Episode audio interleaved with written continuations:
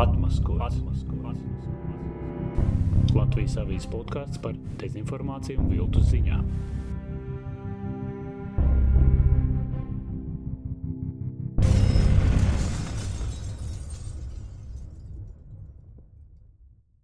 Atmaskots 22. epizode.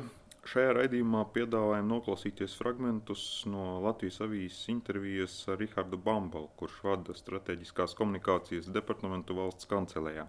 Viņa uzdevums ir stiprināt Latvijas informatīvās telpas drošību, attīstīt valsts un sabiedrības spējas pretoties dezinformācijai, un, protams, arī iesaistīties dažādu citādu ar komunikāciju saistītu jautājumu risināšanā valsts līmenī. Bet pirmais jautājums, kuru gribētos dzirdēt viņa viedokli, ir viltus ziņas kas bija ļoti populārs termins iepriekšējos gados, un, piemēram, 2017. gadā izdevniecība Collins Dictionary to atzina par gada vārdu, taču kopš tā laika ir bijušas diskusijas arī par to, cik lielā mērā šis apzīmējums atbilst problēmas būtībai. Pirmkārt, es nepiekrītu terminam eh, viltus ziņas. Gan mūsu arī nacionālajā stratēģijā, kas cerams, kā es minēju, drīzumā tiks apstiprināta, eh, un lielā mērā ir balstīta uz Eiropas Savienības eh, regulējumu un, un, un dokumentiem, tā skaitā Eiropas demokrātijas rīcības plānu 20. gada decembrī, tieši pirms diviem gadiem, kas ir apstiprināts, e, ļoti konkrēti nosaka, kas ir dezinformācija, kas ir maldinoša informācija, kas ir ārvalstu ietekmes operācija un kas ir iejaukšanās jau demokrātiskos procesos no ārpuses. Un šīm definīcijām nav tikai akadēmiska nozīme, tam ir arī ļoti e, niansēta ietekme uz, uz rīcību politiku. Mēs šos te terminus būsim nostiprinājuši arī mūsu uh, tiesību aktos jau tuvākajā laikā. Un es drīzāk gribētu runāt par dezinformāciju. Dezinformācija e, ir apzināta ļoti svarīgs elements, apzināta e, maldinošas informācijas izplatīšana ar mērķi gūt politisku ekonomisku labumu. Savukārt, maldinoša informācija, tas, kas angļu valodā saucās misinformation, tā ir neapzināta, varētu teikt, klačošanās vai baumu izplatīšana ģimenē, paziņu lokā, bet arī kas var radīt uh, tikpat būtisku kaitējumu. Uh, un, protams, tad ir arī pārējie elementi, jau šīs ārvalstu ietekmes operācijas, informācijas operācijas. Un tas nozīmē iejaukšanos to starp, nu, vai tās būtu saimnes vai pašvaldība vai Eiropas parlamenta vēlēšanas, uh, atbalstot vienu vai otru politisko spēku vai nākot klajā ar citiem sensacionāliem lēmumiem. Definīcijām ļoti svarīga nozīme. Vai dezinformācija ir joprojām būtiska Latvijā? Jā, mēs veicam eh, dažādas mērījumus pēdējos gados par cilvēku spriest spēju, par pašnovērtējumu, cik eh, ērti cilvēki Latvijā spēj atpazīt eh, dezinformāciju no nesagrozītas, nemanipulētas informācijas. Trešdaļai labākajos gadījumos tikai trešdaļa saka, ka nespēja. Tas ir vēl šī gada pavasarī Eirobarometra dati. Tur nedaudz virs 60% Latvijā saka, ka jā, viņi spēja atšķirt maldinošu informāciju no e, manipulēta satura, no nemanipulēta, bet trešdaļa vai pat 40% ir problēmas. Tas ir optimistiskākie pētījuma rezultāti. Es redzēju arī pesimistiskākus, kur ir arī lielāka, vairāk par pusi cilvēku saka, viņiem trūkst zināšanas, trūkst prasmes.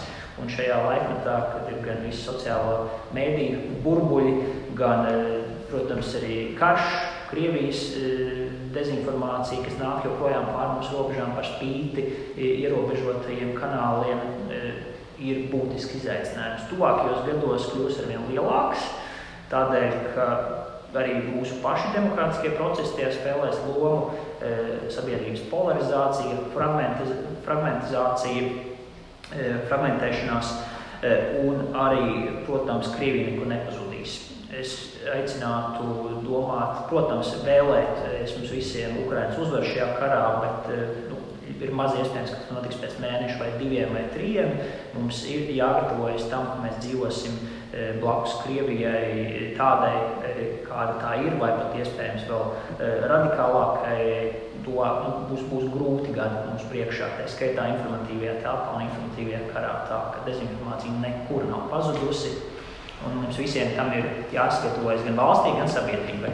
Gribētu precizēt, tad, tad jūs uzskatāt, ka tas apzīmējums viltus ziņu, ko arī mēdīji plaši lieto, ka nu, tā būtu tā jāiet prom un jāsāk izvairīties, tas nav īsti labs un tas tā kā rekomendācija vai tas tāds vienkārši viedoklis? Tā ir rekomendācija. Es gribētu teikt, ka visā Eiropā no tā iet projām. E, ņemot vērā, ka jau divus gadus šis te ir e, termins tiek lietots Eiropā. Brisele šobrīd nāk arī protams, ar nākamajām iniciatīvām, kas vairāk to sauc par informācijas manipulāciju un ārvalstu iejaukšanos. Ir šis mm. termins precīzais. Tādā ziņā, protams, arī iespējams dezinformācija kā vārdu ar laiku lietos ar vien mazāk paredzamā nākotnē. Bet eh, viltus ziņas un propaganda tas ir drīzāk tiešām termins, ko lietoja 14. un 15. gadā vairāk, bet šobrīd jau tā teiksim, tā, mūsu vārdu krājums, e, termini un, un, un mūsu kopējā izpratne, ko mēs ar šiem terminiem saprotam, e, kā sabiedrība ne tikai Latvijā, bet Eiropas Savienībā kopumā, ir krietni gājis uz priekšu. Un tam ir nianses. Es aicinātu tiešām izvairīties e, no visu šo te terminu lietošanas kā sinonīmu pamīšus vienam ar otru, viltu ziņas propaganda, vēl kaut kas un apzināties, kas ir, mani, kas ir dezinformācija, kas ir maldinoša informācija kas ir pārējie termini. Viens piemērs - ziņa par Juris Savicka nāvi tikko izsūtot nepatiesus paziņojumus presē. Un to pēc pārbaudīšanas publicēja daudzi vadoši portāli, tajā skaitā arī sabiedriskā mēdīņu portāls LSM. Vai uz šo gadījumu mēs kaut kā apsprieduši, kaut kādus secinājumus, vismaz sevis izdarīšu, bet arī kādus ieteikumus? Protams, mēs esam analizējuši un ņemot vērā, ka tas notika salīdzinoši nesen. Un kas tas bija? Pirmkārt, sāksim, jūs tikko tās laidas definējāt, tas tur viltus ziņas nelieto dezinformāciju. Kas tas bija īsti? Lai precīzi pateiktu, kas tas bija, būtu noteikti jāzina, tam bija nodoms kaitniecisks apakšā un kāds tieši bija šis nodoms un kas bija šī puse. E, kā mēs zinām, to izplatīja caur Google, e, Gmail uztaisītu viltus kontu, kuru jebkurš no mums var uztaisīt būtībā 3-4 minūtēs.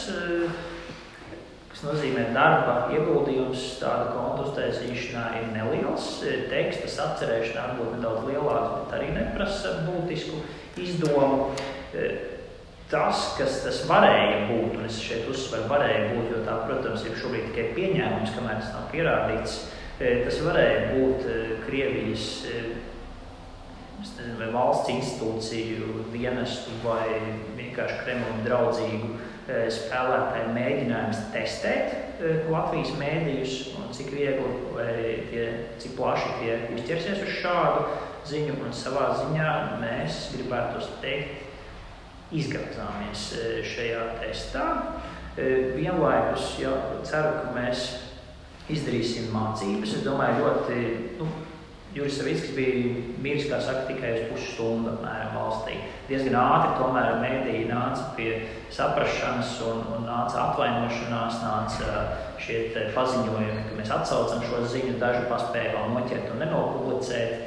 Tā kā uzķērāmies, bet, manuprāt, diezgan ātri atguvāmies. Un tas ir tas, ko sauc arī mūsu politiskie politikas plānošanas dokumentu žargonā par noturību, jeb noturēt spēju.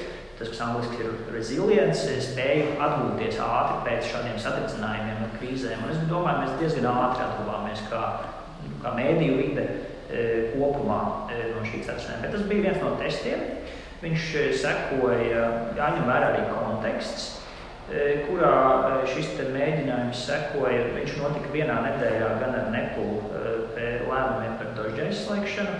Viņš sekoja arī virknē, virknējumā, kur bija insider portāla publikācija par Latviju, kurā darbojās šie krievu oligarhi, kas nav pat Eiropas Savienības sankciju sarakstā, bet iespējams pat saņem Eiropas Savienības finansējumu. Viņš sekoja virknējumā arī epizodu, kur aizvadītā nedēļa, viena nedēļa iepriekš bija arī Kremļa atbalstošās telegramu grupās aicinājumu veikt mērķētu kiberuzbrukumus. Tā epizode nebija pilnīgi individuāla un zila no gaisa. Viņa bija teiksim, tā, daļa no pastāvīgiem testiem, mēģinājumiem testēt mūsu valsts. Tad jūs to tā kā arī skatāt kaut kādā kopskatā, bet man interesants likās šis teikums pirmais, ka mēs nevaram pateikt, kas tas bija, pirms mēs nezinām nodomus. Nu, manuprāt, mēs ļoti daudzos gadījumos tā nevarēsim saprast uzreiz tos nodomus, jo mēs jau izpildītājus nezinām, kur viņi sēž. Vai tie vienkārši kaut kādi jokdari, vai tie ir sēž kaut kur Lubjankā vai kur nezinu, kā, kurās iestādēs. Jā. Tāpēc mēs varam runāt par pieņēmumiem, par augstas zemes vidējas ticamības nu, pieņēmumu. Mēs, mēs šobrīd pieņemam, jā, ka tas ir potenciāls Kremļa labvēlīgo spēlētāju mēģinājums testēt Latvijas sabiedrību. Atmaskots. Dažs skandāls. Krievijas telekanāls, kas bieži tiek dēvēts arī par Kremļa opozīcijas mēdīju. Uz Latviju pārvācās šā gada pavasarī, līdzīgi kā daudzi citi Krievijas mēdīji, bet šobrīd Latvijas Nacionālā elektroniskās plašsaziņas līdzekļu padome tam apņēmusi apraides atļauju un ir atklājušās ļoti dažādas šīs skandāla šķautnes. Viens no secinājumiem ir, ka televīzijas kanāla redakcijai ir izdevies ļoti īsā laikā pret sevi noskaņot lielu daļu Latvijas sabiedrības. Es esmu iepazinies ar nepu lēmumu 14 lapām un visiem tiem epizodēm, un, protams, ir būtiski, tur ir, tur ir konstatēti būtiski pārkāpumi šajā uh, lēmumā lēm, lēmums ir eh, pareizs eh, par samērīgumu nekomentēšu, bet eh, ir, gan, ir arī politiski apsvērumi, kas jāņem vērā. Proti, Latvija kā drošās mājas šiem Krievijas opozīcijas neatkarīgajiem mēdījiem ir lēmums, kuru nu, Atsevišķi aktori aizvadītās nedēļas laikā arī nepūlu eh, lēmumu kontekstā ir daudz diskutējuši un iespējams arī apšaubījuši. Te būtiski būtu pasvītrot, eh, ka strateģiski šo žurnālistu klātbūtne šeit Latvijā ir, ir svarīga un būtiska.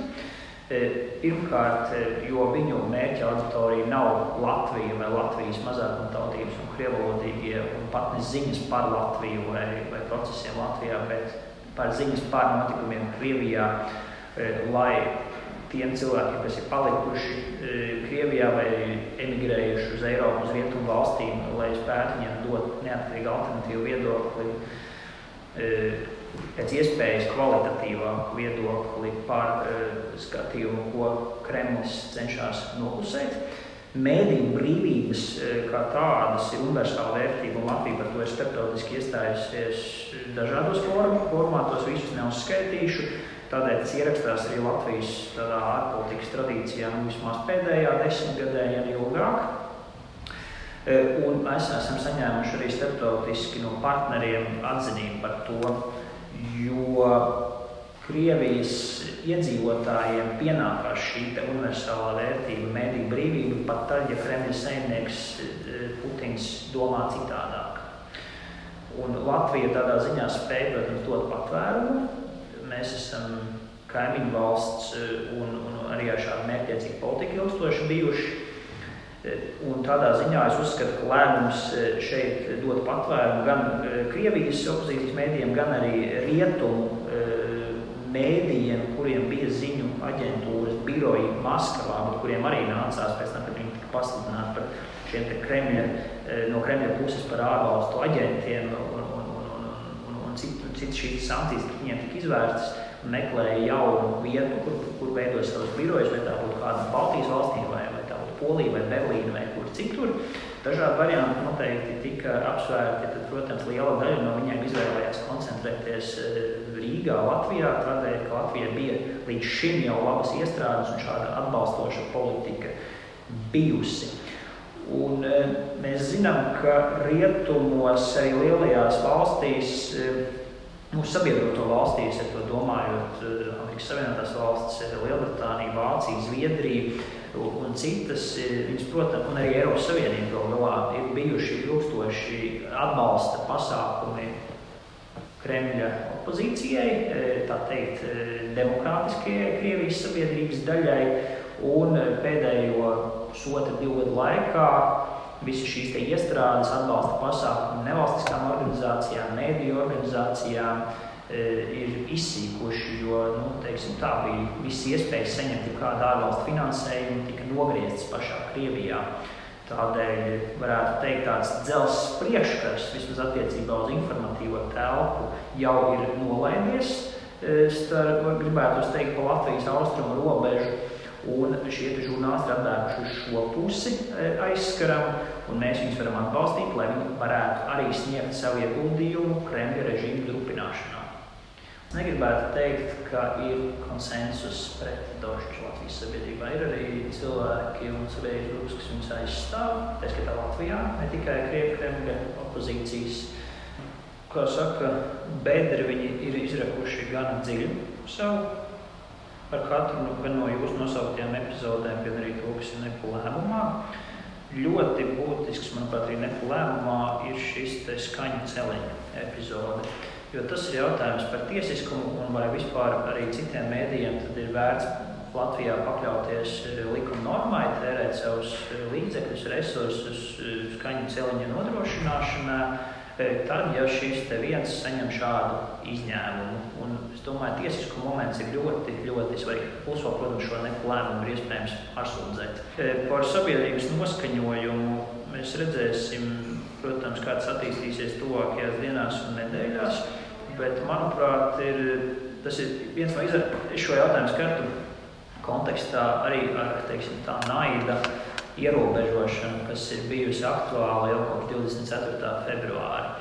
Tas naids ir tā, gluži kā tāda rauga mīkla, kura nepieskatīt, protams, mēdz izkāpt ārā no tā katla vai trauka, kurā ir ielikta un, un aiziet ļoti tālu, ja to katla vāku neuzliek pietiekami ātri atpakaļ.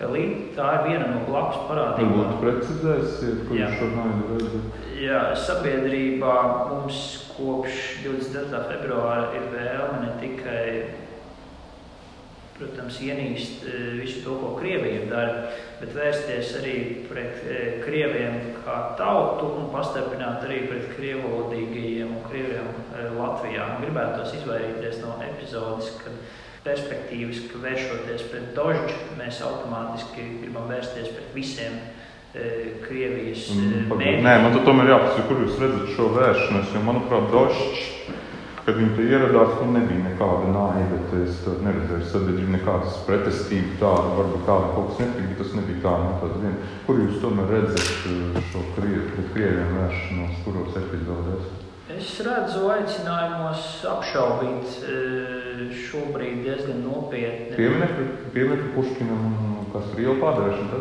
Nē, nē, nē, nē, nē, nē. Es, to, es to redzu šobrīd aicinājumos jau apšaubīt arī medūzas uzturēšanos šeit un arī citu atlikušo šo 20 e, mēdīju, kas ir raduši patvērumu Latvijā. Ir atsevišķi. Redziet, te ir būtiski.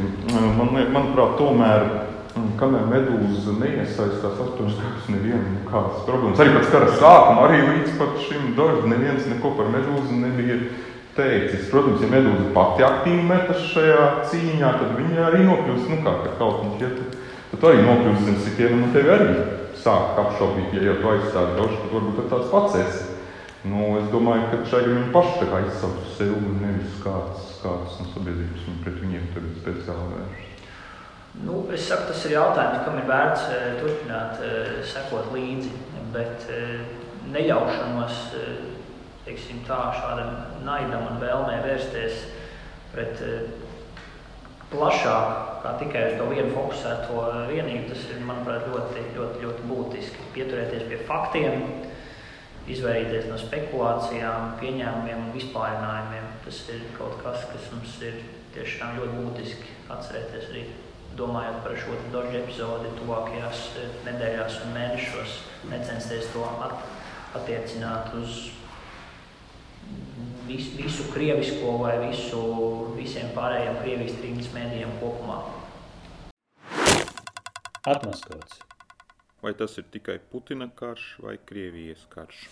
Putina karš ir termins, kur mēs lietojām apzināti kopš pirmajām kara dienām, kā reizi, lai novērstu Kremļa vienu no šiem strateģiskajiem mērķiem, ka tas ir ne tikai Krievijas kā valsts karš, bet visas Krievu pasaules karš. Ar Krievu pasauli saprotot arī etniskos Krievus un Krievulodīgos, kas ir bijušajās Kremļa okupētajās teritorijās, dzīvojušies tostarp Latvijā.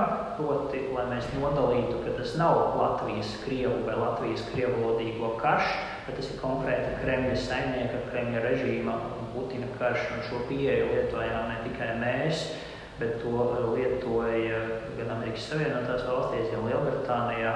Terminiem ir ļoti svarīga nozīme šiem semantiskajiem apzīmējumiem, strateģiskajā komunikācijā.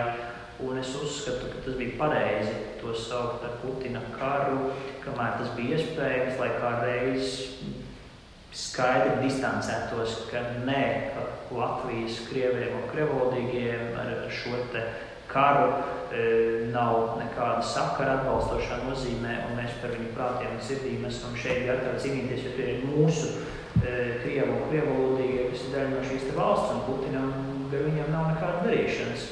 Tā, tas bija... Tad jūs saprotat, uzskatāt, jā, jānāk termins Putina karš, nevis Krievijas karš? Es uzskatu, ka korekts termins ir Kremļa režīma karš. Tas nav, protams, tikai Putins, viņam ir daudz e, atbalstītāju arī zemākos ešalonos, Eh, un, un, protams, daudz spekulāciju par to, kas, nu, kas stātos pie varas, ja Putins eh, rītdien nomirtu. Labi apzinoties, ka tur iespējams nekas eh, labāks mums negaida, iespējams pat sliktāks. Tā, tas ir režīma karš bet tas noteikti nav visas nu, jūs nonākat pie tā paša stāsta par mūsu zēniem, ko, uz ko došķieka, ka mūsu zēni nabadzīgi, viņus tur Putins aizsūtīs, viņi nepie kā nav vainīgi. Nē. Nu kā, nē, jūs sakat, ka tas ir tikai Kremļa režīms, bet tas ir šauras grupas karš. Nē, tas ir Krievijas eh, valsts karš. Jā, bet to mēs tā kā arī jautājums par to tieši Jā, nē, tas ir Krievijas valsts karš, bet tas nav Latvijas krievlodīgo karš. Šis ir atmaskots. Laižam tālāk. Nesen aicinot darbā jaunu darbinieku, Rikards Bangballs sociālos tīklos bija ierakstījis, ka meklē jaudīgu kolēģi, ar kuru kopā uzvarēt informatīvo karu. Pret ko viņa izpratnē šodien notiek informatīvais karš? Tas nav tikai par Krieviju.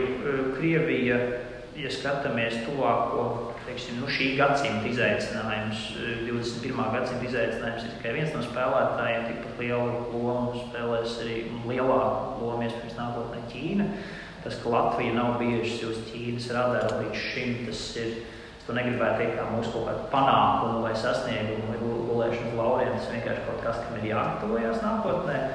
Arī Irāna nekad nav bijusi teiksim, tā draudzīgo valstu vidū un redzam arī Irānas tuvināšanos ar Krieviju. Tā, kas neizslēgt arī mēģinājums no tās puses kādā brīdī mūs ietekmēt. Nevis tādēļ, ka mēs esam Latvija neatkarīga valsts pat par sevi, bet tādēļ, ka mēs esam daļa no šīs rietumu pasaules, mēs esam daļa no Eiropas Savienības, mēs esam daļa no uh, NATO, mēs esam daļa no valstīm, kas atbalsta Ukrainu un no šī demokrātisko e, rietumu vērtībām piedarošo valstu bloku, un tādēļ arī mēs varam kļūt par mērķi arī citiem spēlētājiem. Es zinu, kā tas varētu izpausties Irāna un Ķīna, piemēram, kā, kā viņi varētu iesaistīties šādā karā pret Latviju. Krieviju mēs nu, zinām daudz piemēru.